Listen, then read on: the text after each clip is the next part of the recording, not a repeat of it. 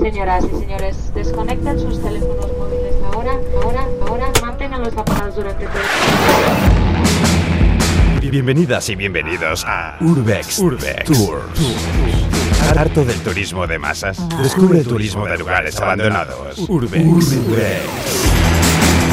¿Le va la adrenalina? ¿Las emociones fuertes? ¿El misterio? ¿Las telarañas? ¿El polvo? ¿Los cristales? ¿La historia? Urbex Tours con Miriam Duque e Inco Martín.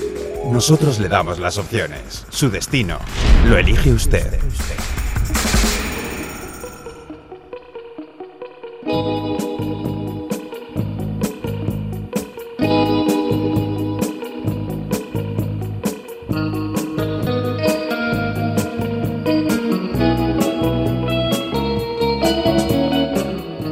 Abrimos agencia de viajes, una agencia que nos llevará a conocer lugares que un día quedaron abandonados, a veces no sabemos por qué, espacios en los que se respira cierto polvo añejo, humedad y también cierto misterio. Es el Urbex al que nos iremos acercando gracias a nuestro guía que está por ahí, Inco Martín. Inco, ¿qué tal? ¿Cómo estás? Muy buenas, ¿qué tal Miriam? Bien, con ganas de viajar y de saber a dónde nos va a llevar hoy el Urbex. Pues yo también tengo muchas ganas, así que perfecto.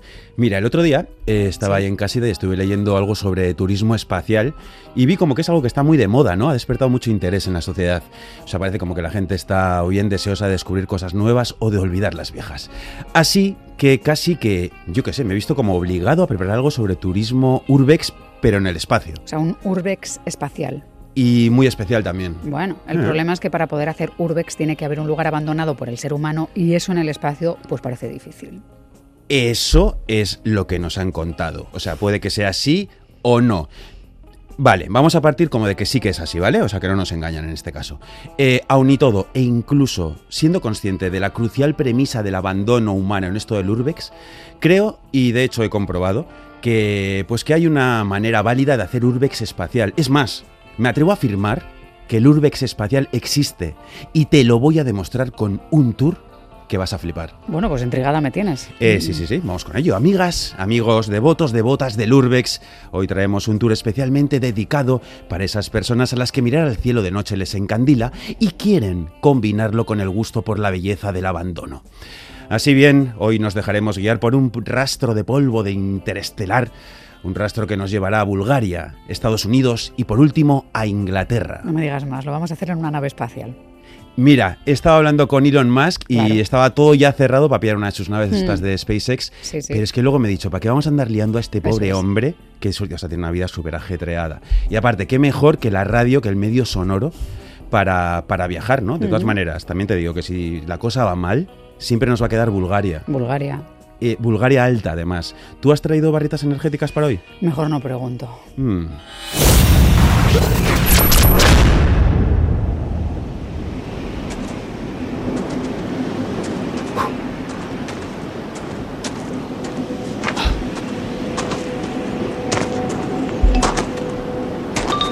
Ya entiendo lo de las barritas energéticas. Menuda subida nos estamos pegando. Lo que no sé, Esto es sudar. lo ¿eh? que no sé es qué monte es este. Esto es sudar. Sí que estamos, sí es. estamos en Bulgaria, en el monte Buzlutya, que es parte de la cordillera de los montes Balcanes búlgaros.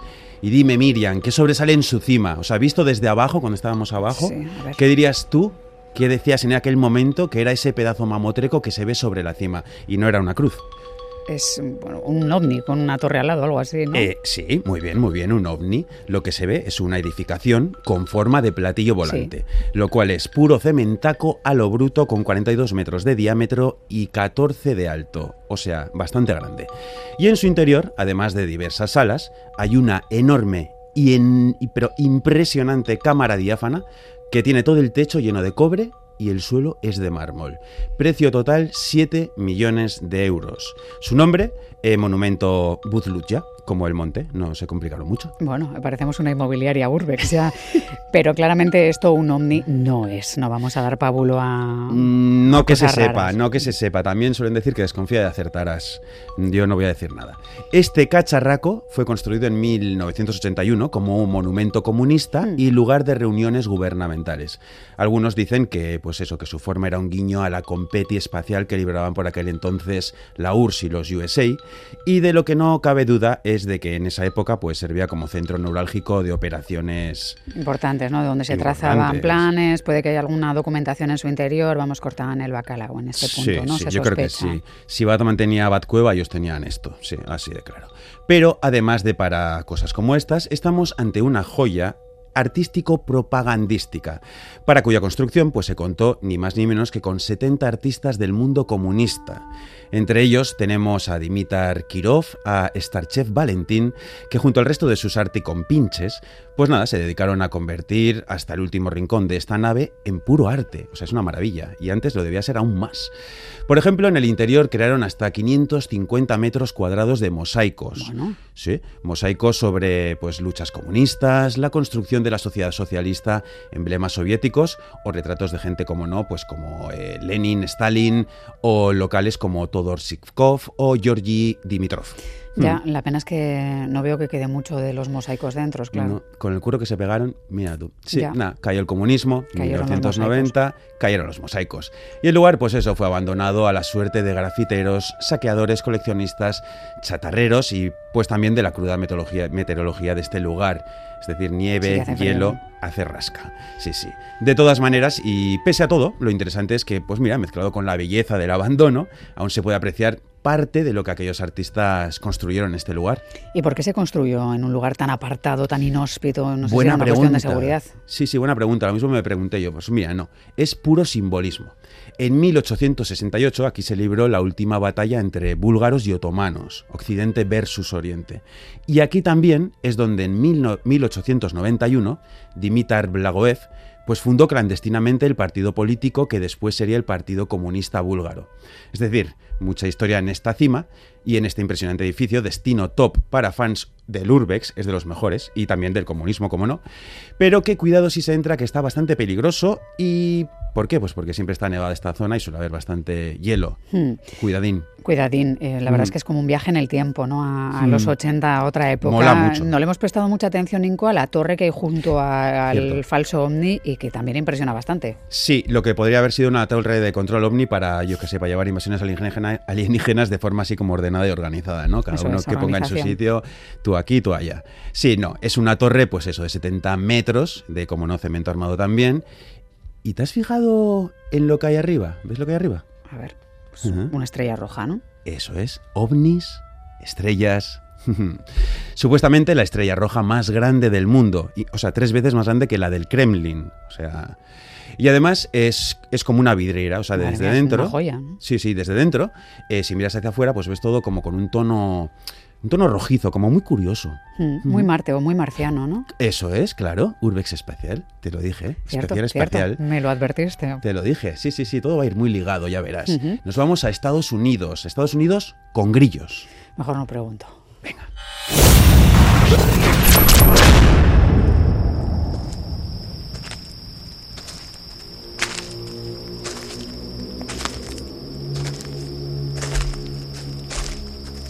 Entre las zarzas y que no se ve nada, lo mismo acabamos rodando por una ladera. Menos mal que tenemos la linterna del móvil, que eh, algo es algo. ¿eh? Hemos un fallo de novatos tremendo, pues Miriam. O sea, Urbex siempre que llevar una linterna, una linterna potente, como la de Mulder y Scully en Expediente X, igual, igual, como un faro. De todas formas, mira tú por dónde este sitio tenía que ser oscuro sí o sí. Era algo vital para su función. ¿Por qué? Contaminación lumínica, ah, había que evitarla. Correcto. Mira justo ahí arriba, entre esos arbolitos ahí a la derecha, justo, ¿ves lo que sobresale? Como un poquito. una cúpula de colorines. Eso es, sí, sí, estamos en las profundidades del Walnut Point, que es un parque estatal cercano a Oakland, en Illinois. Y caminando entre los senderos de este enorme parque, pues puede que des con esa cúpula que antes no tenía colorines grafiteros, porque era la cúpula de un observatorio espacial el observatorio de Preirly. Ahora entiendo lo del lugar oscuro como algo vital. Claro, tenía su lógica, sí. sí, Pues eso, que a finales de la década de los 60 el Departamento de Astrología de la Universidad de Illinois pensó, pues nada, que sería buena idea pues tener un observatorio. Así que buscaron lugares ideales, a la vez que cercanos, para, pues, para ver el espacio sin que la luz artificial les molestase. Encontraron este lugar y en el 1969 pues se inauguró el observatorio de, de Presley. Además de oscuro, es un lugar bastante misterioso y Hmm. como hemos podido comprobar por la caminata está bastante alejado de todo. Eh, sí, es que sin lo uno no hay lo otro. También Al es final, verdad. sí, el Urbex necesita de cosas como esta, bebe de ellas. Mira, desde, desde este punto se navegó a través de todo el espacio gracias a un pedazo de telescopio Cassegrain, no entiendo mucho, pero se llama Cassegrain, de 40 pulgadas, que debía ser una joya en la época que les costó 244 mil dólares. Mucho, mucho dinero. Sí. La cúpula que sobresale entre esos arbustos, pues mide como unos 12 metros de diámetro, aunque desde aquí parezca chiquita, es bastante grande, y conecta con otro edificio donde las y los astrónomos pues hacían estudios y cábalas sobre el espacio, estrellas, constelaciones, agujeros negros, cosas de ellos que desembocaron en que hasta 80 artículos de investigación saliesen de este lugar. Bueno, si era tan bollante, había tanta gente investigando, ¿qué sucedió para que todo acabase como está hoy en día? ¿Por qué? Pues mira, he estado investigando muchísimo y no se sabe bien por qué este lugar pasó a ser de lugar de ciencia e investigación a una especie de decorado de peli postapocalíptica llena de, pues eso, maleza y grafitis, como hemos dicho. Lo que sí que sabemos es que en 1981 el telescopio fue trasladado al observatorio Mount Laguna en San Diego y pues este, queda, este, este sitio pues quedó completamente abandonado. Yo he estado pensando sobre ello. Sí. Y fíjate que es curioso que, que un lugar que siempre ha tenido la vista puesta a millones y millones de kilómetros de distancia quede abandonado en su lugar de origen. Curioso. Que un lugar cuyo uno de sus objetivos puede que, pues puede que fuese encontrar atisbos de vida en el espacio exterior, quedase abandonado por los entes de su espacio interior. Miriam, esto es, eh, es como, como si el corazón abandonase un cuerpo, o como por ejemplo si las estrellas abandonasen el cielo. Igual este ambiente nos está trastornando un poco, ¿eh? ¿O estamos acaso ante el origen de la belleza del urbex espacial? El abandono cósmico. Bueno, cierta poesía sí que tiene, pero vamos a controlarnos porque si no, no, de todas maneras. no acabamos viaje. Eh, De, de todas maneras, más serio, más serio. Tú te has dado cuenta del juego de fechas que llevamos, ¿no? No. No, 1981. Ujú. Ujú. Fecha clave. Este lugar para ver el espacio desapareció en 1981, justo el año en el que el ovni apareció en Bulgaria. ¿Simple casualidad? Bueno, pues sé cuál es la respuesta que esperas, eh, que nada es casual y que Sí. es un nuevo enigma en nuestras vidas y en nuestros viajes, ¿no? Yo creo que sí. ¿Sabes quién nos podría ayudar muy bien a resolver un enigma de tal calado cósmico? Eh, obviamente alguien de ahí arriba, claro. Del espacio. Eso es. Bueno, se nos está yendo un poco. ¿Cómo esperas que podamos eh, comunicarnos? ¿Tú te acuerdas de alguien que se llamaba E.T.? E.T.? por supuesto. ¿Mm? Pues él nos dio la clave.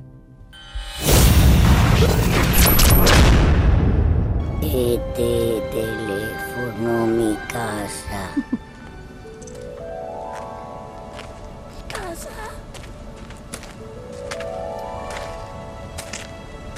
Y qué mono, esto sí que no me lo esperaba. Qué maravilla. Esta es la peli de mi infancia, yo creo. ¿eh? La mía también. Mira, coincidimos ahí. ¿Ves? Muy bien, sí, sí. Yo soy muy ¿Ves cómo pro. hay casualidades? mm? Sí, sí. Pro IT soy yo muy. Sí, sí. Tenía un muñequito y todo. Sí, yo también. ¡Ostras! Se le encendía el ¿Veraneabas en Eagle sí. River? no, hasta ahí, hasta ahí. bueno. eh, ¿Este lugar te, qué te parece? Pues ¿Lo me esperabas? parece... No, no me lo esperaba. No, no, no. Mm, Me lo Pues esperaba mira. más grande, pero en el caso de que hubiéramos encontrado así, pero no, no me esperaba ETE en mi Mira. vida ni en mis viajes. Mira, bienvenida a Carlton Miniot, que es un pequeño pueblo del norte de Inglaterra que fue una pena que no conociese nuestro amigo ET, ya que le habría solucionado mucho los problemas en cuanto a lo de llamar a su familia. Sí, desde luego Mm. opciones no le habrían faltado en este punto. Eh, sí, sí, sí, desde luego. Eh, ya que aquí está el cementerio de las icónicas cabinas telefónicas rojas inglesas. Las primeras aparecieron en 1926. 1980 había como unas 73.000 cabinas rojas. Set- eh, 1992 pasamos ya a 92.000. Nove- en el 2000 bajamos para abajo, Empieza la inversa. 40.000. Mm. Claro, llegan los y empieza a decaer la cosa. Llegaron los móviles y a día de hoy quedarán como unas 2.000 Sí, unas 2.000 más o menos en Londres, que más bien están por una mezcla de entre, yo que sé, compasión, reclamo turístico. Y bueno, pues el resto acabaron aquí, delante nuestro. Bueno, todas, todas no, ¿no? Eh, no, todas no. Las menos afortunadas se vendieron como chatarra, muy triste. Pero como puedes ver, aquí hay bastantes. Sí, tanto queda esta cosita un poco, ¿no? Eh, sí, es como un poco ET. A algunos les gustaba mucho y algunos le tenían un poco de miedo. Sí, para algunos este lugar sería terrorífico y para otros, pues, entrañable. En fin, que la gente dejó de usar las cabinas, fueron cayendo en el abandono, el clima y el vandalismo callejero hicieron de las suyas, y al final el Estado inglés vio que estaban pues haciendo la ruina con el mantenimiento de unas cabinas que no utilizaban ni Blas. Así que pues empezaron a dejarlas fuera de servicio, a cortarles el cable. ¿Y a quién se le ocurrió traerlas aquí y juntarlas todas? Eh, pues se lo encargaron a una empresa, sí, sí, a una empresa que estaba comandada por un ingeniero de telecomunicaciones llamado Tony English. Tony eh, fue el encargado de buscar un lugar de paz y descanso a estas cabinas. Así que a modo de sepulturero telefónico las trajo hasta aquí y creó este camposanto de cabinas rojas. Pero Tony, Tony, ojo que era una mente inquieta y tuvo una gran idea. Salvar algunas, crear un negocio a partir de su restauración. ¿Y qué tal le fue? ¿Le fue bien? Eh, obvio. O sea, lo vintage siempre triunfa y si lo unes algo tan icónico como las cabinas rojas, pues el éxito está asegurado. Así que poco a poco se van restaurando y vuelven a las calles transformadas en cosas tan curiosas como por ejemplo mini bibliotecas, cafeterías. En pueblos así rurales como un poco alejados las utilizan para poner botiquines, desfibriladores. Sí, incluso que esto ya me sorprende mucho, mini talleres de reparación de móviles. Es un poco para salvar al enemigo, ¿no? Sí, yo estoy con ET un poco, no es todo por la comunicación. Al final todo gira en eso, en la comunicación, ET lo sabía. Y bueno, eh, las pobres cabinas, pues que esperan a su resurrección, esas que comidas por la roña y el musgo hacen bulto en este cementerio que tenemos delante, pues también tienen vida, ya que se han convertido en una atracción turística. O sea, viene mogollón de peña hasta aquí para fotografiarse con ellas. Sí, es un nuevo turismo de cementerios, ¿no? De cementerios de cabinas telefónicas. ¿no? sí, sí, lo vamos a llamar, lo vamos a utilizar como necroturismo telefónico. A ver si lo patrocina alguna marca de estas. Mm. Y ojo que si nos fijamos bien, eh, yo pienso que estamos ante una combinación realmente fascinante. Eh, ¿Por qué? Porque dentro de este escenario, así como necrotelefónico, se esconden cientos de lugares de microurbex. O sea, fíjate, cada cabina en sí, per se, es un microurbex. O sea, cada cabina es como si entras en un mundo diferente. Con sus pegatinas, sus teléfonos viejos, ¿no? Claro, sí, sí, sí, todo, todo. Son mundos diferentes. Estarían en otros lugares y se han juntado aquí, pero cada uno tenía su historia. Y piénsalo, la de cosas que habrán escuchado esas cabinas. O sea, si las cabinas hablasen, serían como los perros o igual hasta peor. Así que una de dos, puedes entrar en una cabina y pensar cosas como estas que te acabo de contar, así tan profundas, o puedes entrar y sacarte una foto. En plan fotomatón. ¿eh? ¿Hacemos una foto? Nos hacemos una foto y nos vamos, ¿te parece? Yo creo que con esto de T, el espacio de la comunicación, yo creo que lo mejor es que entremos, descolgamos un teléfono. Sí. Y oye, igual hay alguien al otro lado. Anda, venga, esa foto. Nos vamos. Adiós. Adiós, agur. Adrenalina, misterio, historia. Urbex Tours. Turismo de lugares abandonados. Con, Miriam Duque e Inco Martín. Porque abandonado no significa vacío.